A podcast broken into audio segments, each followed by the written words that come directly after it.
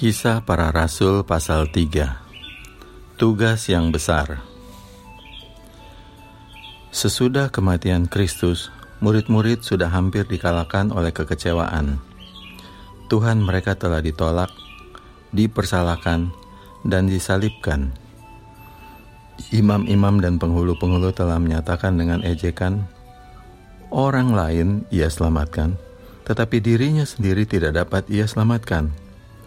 Ia Raja Israel, baiklah ia turun dari salib itu, dan kami akan percaya kepadanya. Matius 27 ayat 42 Matahari pengharapan murid-murid telah terbenam, dan malam telah menimpa hati mereka. Sering mereka mengulangi perkataan, padahal kami dulu mengharapkan bahwa dialah yang datang untuk membebaskan bangsa Israel. Lukas 24 ayat 21 sepi dan sakit hati, mereka teringat akan perkataannya. Sebab jikalau orang berbuat demikian dengan kayu yang hidup, apakah yang akan terjadi dengan kayu kering? Lukas 23 ayat 31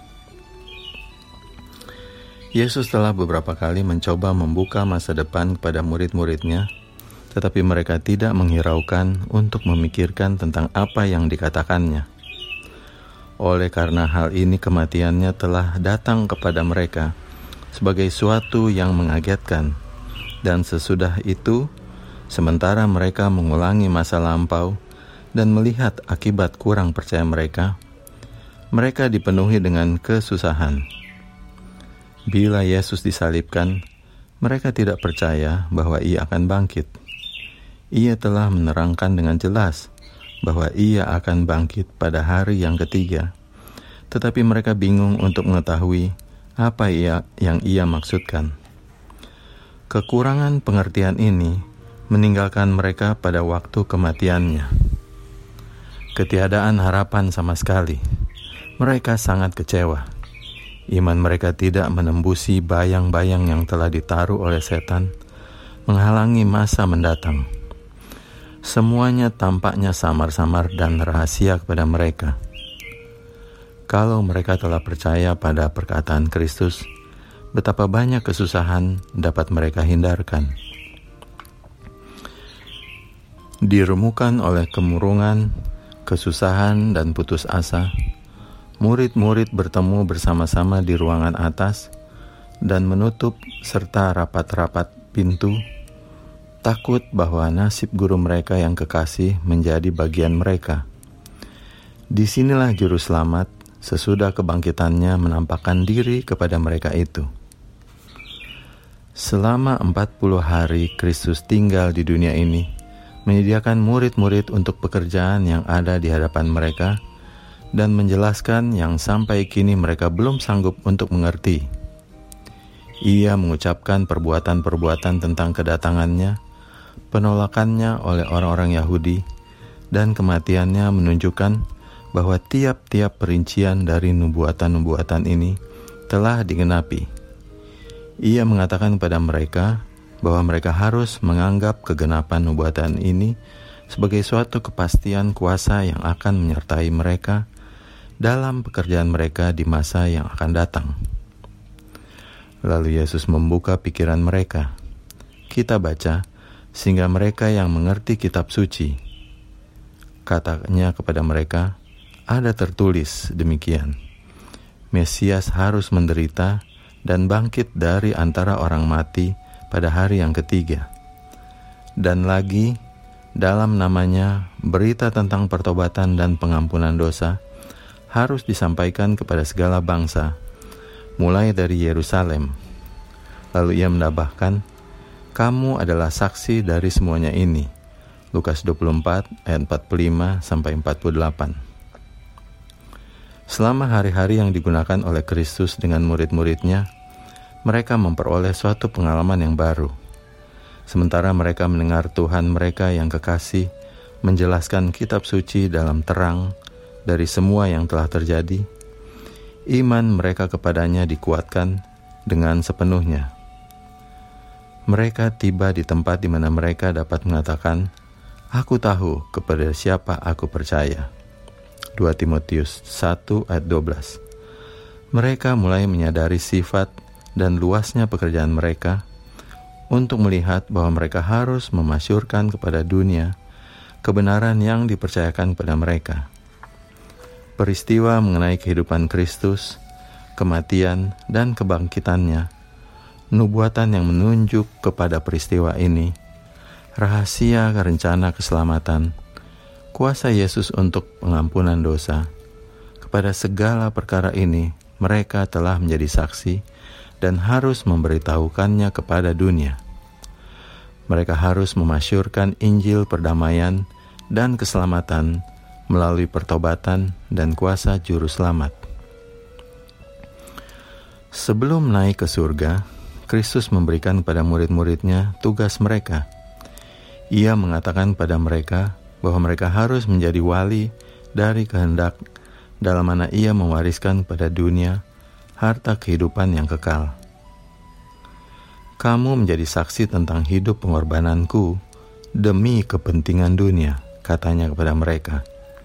Kamu telah melihat pekerjaanku bagi Israel dan meskipun umatku tidak mau datang kepadaku supaya mereka bisa hidup, meskipun imam-imam dan penghulu-penghulu telah berbuat kepadaku sebagaimana yang mereka rencanakan, meskipun mereka telah menolak aku, mereka masih juga akan mempunyai kesempatan yang lain untuk menerima anak Allah. Kamu telah melihat bahwa semua orang yang datang kepadaku dan mengaku dosa mereka, aku terima dengan tangan terbuka. Mereka yang datang kepadaku sekali-kali aku tidak akan menolaknya.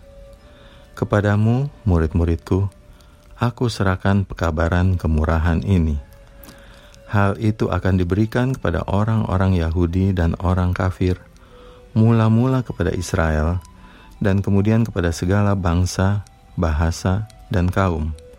Semua orang yang percaya akan dikumpulkan di dalam satu sidang.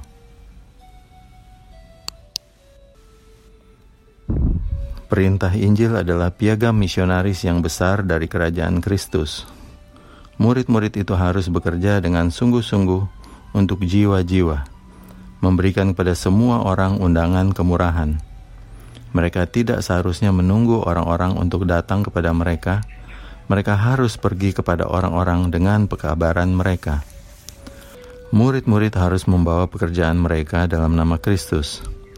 Tiap-tiap perkataan dan perbuatan mereka adalah untuk menekankan perhatian pada namanya, seperti mempunyai tenaga vital oleh mana orang berdosa itu boleh diselamatkan. Iman mereka terpusat kepadanya yang menjadi sumber kemurahan dan kuasa. Dalam namanya, mereka harus mempersembahkan permohonannya kepada Bapa dan mereka akan menerima jawabannya. Mereka harus membaptiskan dalam nama Bapa, Anak, dan Roh Kudus. Nama Kristus harus menjadi semboyan mereka, tanda keagungan mereka, tali persatuan mereka, kuasa untuk tindakan perbuatan mereka, dan sumber kemajuan mereka. Tidak ada sesuatu yang dapat dikenal dalam pekerjaannya yang tidak membawa namanya dan tulisannya. Bila Kristus mengatakan kepada murid-murid, "Pergilah kamu di dalam namaku untuk mengumpulkan ke dalam sidang semua orang yang percaya," ia hanya menegaskan kepada mereka perlunya mempertahankan kesederhanaan. Makin kurang kemegahan dan pertunjukan, makin besar pula pengaruh mereka untuk kebaikan. Murid-murid itu harus mengucapkan dengan kesederhanaan yang sama dengan mana Kristus telah berbicara. Mereka harus memberi kesan kepada para pendengarnya pelajaran yang diajarkan kepada mereka. Kristus tidak mengatakan kepada murid-muridnya bahwa pekerjaan mereka tidak sulit. Ia menunjukkan kepada mereka persekutuan kejahatan yang besar yang diatur melawan mereka. Mereka akan berperang melawan pemerintah-pemerintah melawan penguasa-penguasa, melawan penghulu-penghulu dunia yang gelap ini, melawan roh-roh jahat di udara. Efesus 6 ayat 12. Tetapi mereka tidak akan dibiarkan untuk berperang sendirian. Ia memastikan kepada mereka bahwa ia akan beserta dengan mereka, bahwa kalau mereka mau pergi dengan iman, mereka akan bergerak di bawah perisai yang maha kuasa. Ia minta kepada mereka untuk menjadi berani dan kuat, karena seorang yang lebih kuat dari malaikat-malaikat akan ada berada pada sisi mereka, yaitu jenderal tentara surga. Ia mengadakan perlengkapan sepenuhnya untuk menghadapi aniaya atas tugas mereka dan mengambil dirinya sendiri tanggung jawab untuk kemajuannya. Selama mereka yang mentaati sabdanya dan bekerja sehubungan dengan dia, mereka tidak dapat gagal. Pergilah kepada segala bangsa, ia perintahkan pada mereka. Pergilah ke tempat yang paling jauh yang dapat dihuni, dan pastikanlah bahwa hadiratku akan ada bersama-sama dengan dikau di sana. Bekerjalah dalam iman dan keyakinan, karena waktu tidak pernah akan datang bila aku akan meninggalkan dikau.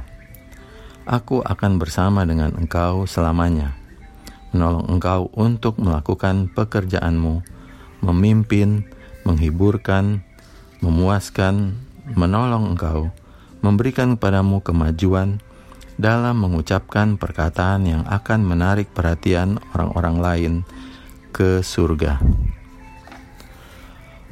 Pengorbanan Kristus untuk manusia, kepentingan lengkap dan sempurna. Syarat pendamaian telah dipenuhi. Pekerjaan untuk mana ia datang ke dalam dunia ini telah dilaksanakan. Ia telah menangkan kerajaan itu ia telah merebutnya dari setan dan telah menjadi wali segala perkara.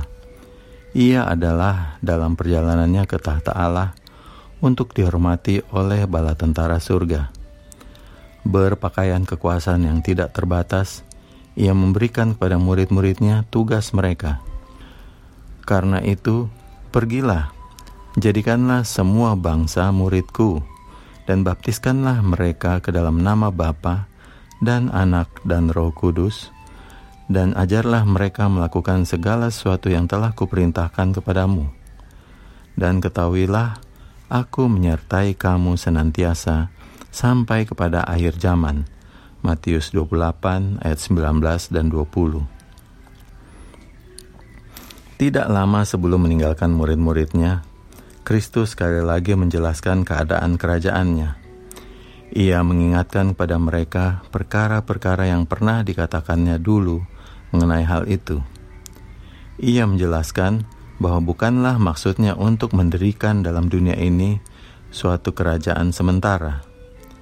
Ia tidak ditunjuk untuk memerintah sebagai raja dunia di atas tahta Daud. Bila murid-murid bertanya kepadanya, "Tuhan, maukah engkau pada masa kini memulihkan kerajaan bagi Israel? Jawabnya, engkau tidak perlu mengetahui masa dan waktu yang ditetapkan Bapa sendiri menurut kuasanya. Kisah 1 ayat 6 dan 7. Tidaklah perlu bagi mereka untuk melihat lebih jauh daripada kenyataan yang telah diadakannya untuk dilihat oleh mereka. Pekerjaan mereka adalah untuk memasyurkan pekabaran Injil. Kehadiran Kristus yang dapat dilihat sudah hampir ditarik dari murid-muridnya. Tetapi pemberian kuasa yang baru adalah bagian mereka. Roh Kudus harus dikaruniakan dalam kepenuhannya, memeteraikan dia untuk pekerjaannya. Dan aku, kata Juru Selamat, akan mengirim kepadamu apa yang dijanjikan Bapakku. Tetapi kamu harus tinggal di dalam kota ini, sampai kamu diperlengkapi dengan kekuasaan dari tempat tinggi. Lukas 24 ayat 49. Sebab Yohanes membaptis, membaptis dengan air, tetapi tidak lama lagi kamu akan dibaptis dengan Roh Kudus. Tetapi kamu akan menerima kuasa kalau Roh Kudus turun ke atas kamu, dan kamu akan menjadi saksiku di Yerusalem, dan di seluruh Yudea dan Samaria dan sampai ke ujung bumi. Kisah 1 ayat 5 dan 8. Juru selamat tahu bahwa tidak ada perbedaan pendapat, meskipun masuk di akal, yang akan melunakkan hati yang keras atau menghancurkan lapisan keduniawian dan kasih akan diri sendiri. Ia mengetahui bahwa murid-muridnya harus menerima pemberian surga, bahwa Injil akan mengesankan hanya bila itu dimasyurkan oleh hati yang dihangatkan dan bibir yang difasihkan oleh pengetahuan yang hidup tentang Dia yang menjadi jalan, kebenaran, dan kehidupan. Pekerjaan yang dipercayakan kepada murid-murid akan menuntut kegunaan yang besar karena arus kejahatan berjalan dalam dan kuat terhadap mereka. Suatu pemimpin yang waspada dan tekun memegang kuasa kegelapan, dan para pengikut Kristus akan dapat berperang demi kebenaran hanya oleh pertolongan Allah dengan pertolongan rohnya yang memberikannya kepada mereka. Kristus mengatakan kepada murid-muridnya bahwa mereka harus memulai pekerjaan mereka di Yerusalem. Kota itu telah menjadi tempat pengorbanannya yang mengherankan bagi manusia. Berpakaikan jubah kemanusiaan, Yesus berjalan dan berbicara dengan mereka, dan hanya sedikit orang telah mencamkan betapa dekatnya surga itu ke dunia ini. Di sana ia telah dipersalahkan dan disalibkan.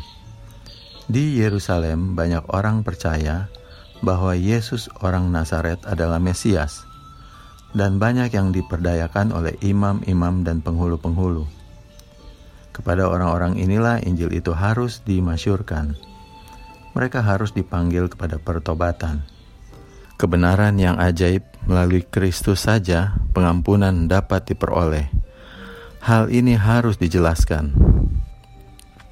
Sementara segenap Yerusalem digemparkan oleh peristiwa yang mengharukan dari beberapa minggu yang lewat, khotbah dari murid-murid akan memberikan kesan yang paling dalam. Selama pelayanannya, Yesus tetap memelihara fakta di hadapan murid-muridnya bahwa mereka harus menjadi satu dengan Dia dalam pekerjaannya untuk memulihkan dunia ini dari perhambaan dosa.